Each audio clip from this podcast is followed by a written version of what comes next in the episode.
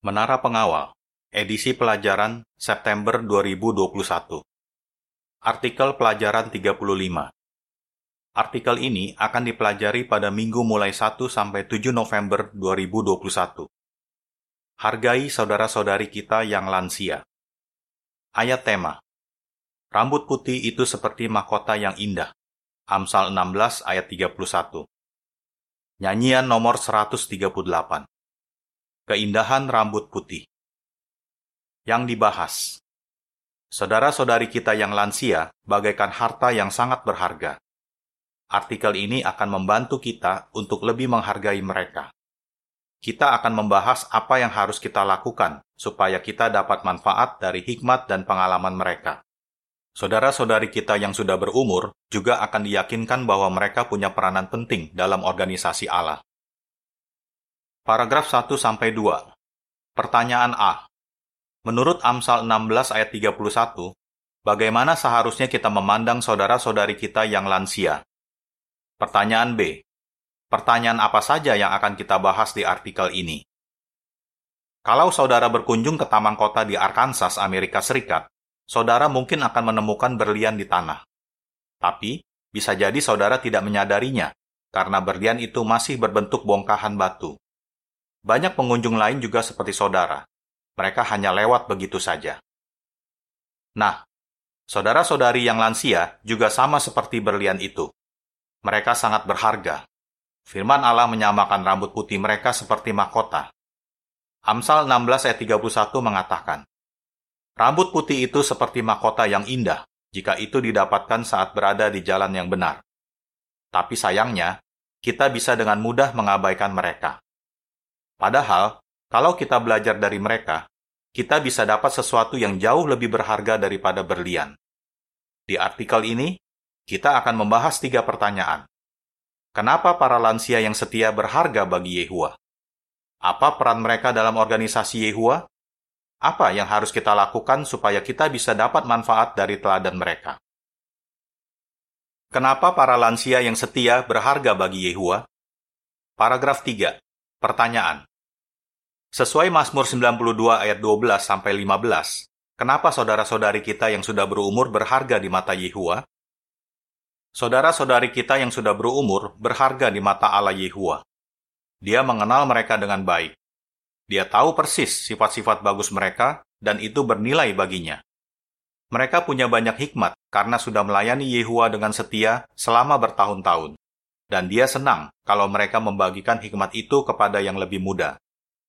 Yehua juga menghargai ketekunan mereka. Mereka sudah menghadapi berbagai masalah, tapi iman mereka kepada Yehua tetap kuat. Sekarang, harapan mereka jauh lebih nyata dibandingkan dulu, waktu mereka baru belajar kebenaran. Yehua sayang kepada mereka, karena di masa tua pun mereka masih terus bersaksi tentang namanya. Mazmur 92 ayat 12 15 mengatakan, "Tapi orang benar akan bertumbuh seperti pohon palem dan menjadi besar seperti pohon aras di Lebanon. Mereka ditanam di rumah Yehua. Mereka bertumbuh di halaman rumah Allah kita. Di masa tua pun mereka tetap subur. Mereka akan tetap kuat dan segar untuk menceritakan bahwa Yehua lurus hati. Dialah gunung batuku. Dia selalu benar. Gambar untuk paragraf 3. Saudara-saudari lansia berharga bagi Allah Yehua dan umatnya. Paragraf 4. Pertanyaan. Apa yang bisa membesarkan hati saudara-saudari kita yang sudah lanjut usia? Kalau saudara sudah lanjut usia, yakinlah bahwa Yehua ingat semua yang sudah saudara lakukan untuk dia. Bapak kita yang di surga senang karena saudara sudah mengabar dengan bersemangat. Saudara sudah bertekun menghadapi banyak ujian yang kadang begitu memedihkan hati. Saudara menaati standar Alkitab dan membelanya memikul tanggung jawab yang berat, dan melatih orang lain.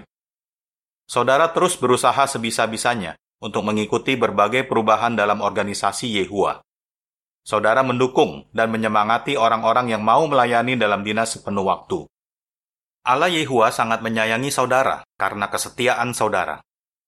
Dia berjanji bahwa dia tidak akan meninggalkan hamba-hambanya yang setia. Mazmur 37 ayat 28. Dia juga memberi saudara jaminan ini. Sampai rambutmu putih, aku akan terus mendukungmu. Yesaya 46 ayat 4. Jadi, jangan pernah merasa, saya sudah tua, saya tidak berguna lagi. Ingatlah, saudara punya peranan yang sangat penting dalam organisasi Yehua. Peranan lansia dalam organisasi Yehua. Paragraf 5. Pertanyaan. Hal apa yang harus diingat para lansia? Para lansia bisa sangat berguna dalam organisasi Yehua. Meskipun mereka mungkin tidak sekuat dulu, mereka punya segudang pengalaman, dan Yehua bisa terus menggunakan mereka untuk melakukan berbagai hal. Mari kita lihat contohnya, baik di zaman dulu maupun sekarang.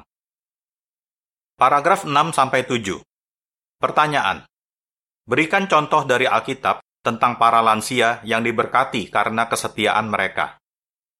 Di Alkitab, ada contoh dari hamba-hamba Yehua yang tetap aktif melayani Yehua di usia tua mereka. Misalnya, Musa berumur kira-kira 80 tahun ketika dia menjadi Nabi Yehua dan dipilih sebagai pemimpin bangsa Israel.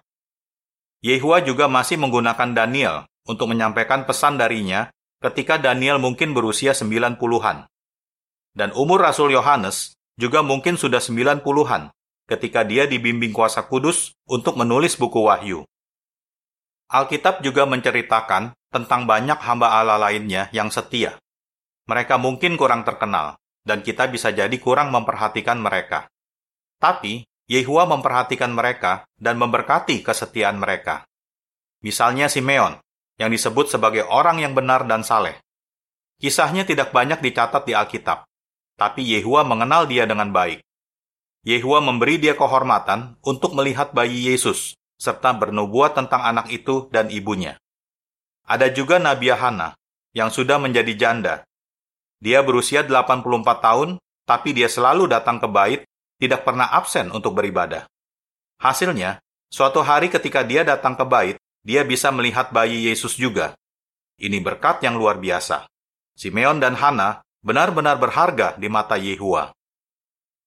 Paragraf 8-9 Pertanyaan Apa yang masih terus dilakukan saudari Didur dalam organisasi Yehua setelah suaminya meninggal? Di zaman sekarang pun, ada banyak saudara-saudari lansia yang menjadi teladan bagi yang lebih muda. Coba kita perhatikan pengalaman saudari Lois Didur. Waktu baru umur 21 tahun, dia sudah menjadi perintis istimewa di Kanada Belakangan, dia dan suaminya, John, mendapat tugas keliling selama bertahun-tahun. Lalu mereka bekerja di Bethel, Kanada, selama lebih dari 20 tahun. Nah, ketika Lois berusia 58, dia dan John diundang untuk melayani di Ukraina. Bagaimana reaksi mereka? Apakah mereka pikir mereka terlalu tua untuk pindah dan melayani di negeri lain? Tidak. Mereka mau menerima tugas itu dan John dilantik sebagai anggota panitia cabang di sana. Tujuh tahun kemudian, John meninggal, tapi Lois memutuskan untuk tetap melayani dalam tugasnya di sana. Sekarang, Lois berusia 81 tahun. Dia masih aktif melayani Yehua bersama keluarga Bethel di Ukraina, dan mereka sangat menyayangi dia. Gambar untuk paragraf 8. Saudari Didur, yang kini berumur 80-an, terus melayani Yehua dengan setia. Saudari-saudari yang sudah menjanda seperti Lois mungkin tidak mendapat perhatian sebanyak dulu ketika suami mereka masih hidup. Tapi, itu bukan berarti mereka tidak berharga lagi. Yehua sangat menghargai saudari-saudari ini karena mereka sudah mendukung suami mereka selama bertahun-tahun dan sampai sekarang pun mereka terus melayani dengan setia. Mereka juga menguatkan saudara-saudari lain yang lebih muda. Paragraf 10. Pertanyaan. Apa yang bisa kita pelajari dari teladan Tony? Ada banyak saudara-saudari lansia yang tinggal di panti jompo, dan mereka juga berharga. Misalnya, Tony. Dia dibaptis di Pennsylvania, Amerika Serikat, pada bulan Agustus 1942, waktu dia berumur 20 tahun. Tidak lama setelah itu, dia dipenjara dua setengah tahun karena menolak untuk jadi tentara. Dia dan istrinya, Hilda, membesarkan dua anak mereka dalam kebenaran. Tony sudah pernah melayani di tiga sidang sebagai pengawas umum, sekarang disebut koordinator Badan Penatua. Dia juga pernah jadi pengawas pertemuan wilayah. Selama beberapa waktu, dia datang ke penjara untuk memandu perhimpunan dan pelajaran Alkitab di sana. Sekarang, Tony sudah berumur 98 tahun, tapi semangatnya tidak padam. Dia terus berupaya untuk melayani Yehua sebisa-bisanya bersama saudara-saudari di sidangnya. Paragraf 11. Pertanyaan. Bagaimana kita bisa menunjukkan bahwa kita menghargai saudara-saudari lansia kita mau menunjukkan bahwa kita menghargai saudara-saudari lansia yang ada di panti jompo, yang tinggal sendirian, atau yang tinggal bersama keluarga yang tidak seiman. Bagaimana caranya? Kalau memungkinkan, para penatua bisa membantu mereka untuk ikut berhimpun dan berdinas. Kita bisa mengunjungi mereka atau mengajak mereka video call, supaya mereka tahu bahwa kita peduli kepada mereka. Kita terutama mau memperhatikan para lansia yang tinggalnya jauh dari daerah sidang. Jangan sampai kita melupakan mereka. Nah, tapi beberapa dari mereka mungkin merasa tidak enak atau tidak biasa bercerita tentang diri sendiri. Jadi, kitalah yang perlu aktif bertanya. Lalu, dengarkan waktu mereka menceritakan sukacita mereka dalam melayani Yehua. Paragraf 12. Pertanyaan. Apa yang bisa kita dapatkan kalau kita meluangkan waktu untuk mengenal saudara-saudari lansia di sidang kita? Di sidang kita, mungkin ada saudara-saudari lansia yang menjadi teladan yang sangat bagus. Tapi, kita baru bisa menyadarinya kalau kita meluangkan waktu untuk lebih mengenal mereka. Seorang saudari bernama Harriet sudah melayani Yehua selama puluhan tahun di sidangnya di New Jersey, Amerika Serikat. Belakangan, dia pindah dan tinggal bersama anak perempuannya. Nah, saudara-saudari di sidang barunya berusaha untuk mengenal dia dengan lebih baik.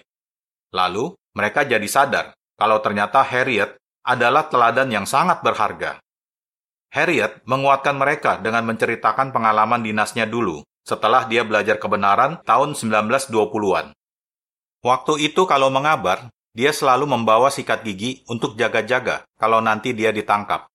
Dan memang, tahun 1933, dia sempat dua kali dipenjara selama satu minggu. Suaminya yang bukan saksi mendukung Harriet dengan mengurus tiga anak mereka yang masih kecil selama Harriet di penjara. Jelaslah, para lansia yang setia seperti Harriet benar-benar perlu kita hargai. Paragraf 13. Pertanyaan. Kenapa saudara-saudari kita yang lansia itu penting bagi Yehua dan organisasinya? Saudara-saudari kita yang sudah berumur sangat penting bagi Yehua dan organisasinya. Mereka sudah melihat bagaimana Yehua selalu memberkati organisasinya, dan mereka sendiri juga merasakan berkat Yehua dalam hidup mereka. Saudara-saudari lansia ini sudah mendapat banyak pelajaran berharga dari kesalahan mereka. Mereka adalah sumber hikmat, jadi berusahalah untuk menimba pengalaman mereka. Amsal 18 ayat 4 kalau saudara meluangkan waktu untuk lebih mengenal mereka, iman saudara bisa semakin kuat, dan saudara juga bisa belajar banyak hal. Cara mendapat manfaat dari teladan para lansia. Paragraf 14. Pertanyaan. Sesuai ulangan 32 ayat 7, apa yang bisa dilakukan saudara-saudari yang lebih muda? Ulangan 32 ayat 7 mengatakan, Ingatlah masa lalu, pikirkan tahun-tahun yang berlalu, tanyalah pada ayah kalian, dan dia akan bercerita pada pemimpin kalian dan mereka akan beritahu. Cobalah ajak para lansia mengobrol. Memang, penglihatan mereka mungkin sudah kabur, gerakan mereka sudah melambat, dan suara mereka juga sudah melemah. Tapi, mereka tetap berjiwa muda dan mereka sudah punya nama baik di mata Yehua. Pengkhotbah 7 ayat 1. Ingatlah, kenapa Yehua memandang mereka berharga. Teruslah tunjukkan bahwa saudara menghargai mereka. Tirulah Elisa. Dia mau terus bersama Elia di hari terakhir sebelum mereka berpisah. Elisa sampai tiga kali berkata, Aku tidak akan meninggalkan Tuhan. 2 Raja 2 ayat 2, 4, dan 6. Paragraf 15. Pertanyaan. Apa saja yang bisa kita tanyakan kepada saudara-saudari kita yang lebih tua? Tunjukkan kepada saudara-saudari yang lebih tua bahwa kita memang mau mengenal mereka lebih dekat. Untuk itu, kita bisa mengajukan pertanyaan. Misalnya, apa yang dulu meyakinkan mereka kalau ini memang kebenaran? Pengalaman apa yang membuat mereka jadi lebih dekat dengan Yehua? Atau, Apa rahasianya mereka bisa tetap bahagia dalam melayani Yehua? Lalu, dengarkan cerita mereka. Gambar untuk paragraf 14-15. Seperti Elisa yang mendapat manfaat karena terus bersama Elia, kita bisa mendapat manfaat dari pengalaman para lansia yang sudah lama melayani Yehua. Paragraf 16. Pertanyaan. Apa manfaatnya kalau kita mengobrol dengan saudara-saudari lansia? Saudara-saudari muda, kalau kalian mengobrol dengan saudara-saudari yang sudah berumur, baik kalian maupun mereka akan dapat manfaat. Kalian akan semakin yakin bahwa Yehua memang mengurus hamba-hambanya yang setia, sedangkan saudara-saudari yang lansia akan merasa disayangi. Mereka pasti akan senang menceritakan bagaimana Yehua sudah memberkati mereka selama ini. Paragraf 17. Pertanyaan. Kenapa saudara-saudari kita yang lansia justru semakin lama semakin indah di mata Yehua? Kecantikan biasanya pudar karena usia, tapi orang yang setia kepada Yehua justru semakin lama semakin indah di matanya. Kenapa begitu? Karena selama bertahun-tahun, mereka terus dibentuk dan dimurnikan oleh kuasa kudus Allah. Semakin baik kita mengenal saudara-saudari kita yang lansia, dan semakin banyak yang kita pelajari dari mereka, kita pun akan semakin sadar bahwa mereka memang benar-benar berharga. Paragraf 18. Pertanyaan. Apa yang akan kita bahas di artikel berikutnya? Sidang bisa bertambah kuat kalau saudara-saudari yang lebih muda maupun yang lebih tua saling menghargai. Jadi, bukan hanya yang muda yang perlu menghargai yang lebih tua. Nah, di artikel berikutnya, kita akan membahas bagaimana saudara-saudari yang lebih tua bisa menghargai yang lebih muda. Apa jawaban saudara? Kenapa saudara-saudari lansia bagaikan harta yang berharga bagi Yehua? Apa peranan para lansia dalam organisasi Yehua? Apa manfaatnya bagi saudara-saudari yang lebih muda kalau mereka berusaha mengenal yang lebih tua? Nyanyian nomor 144. Ku ingat upahku.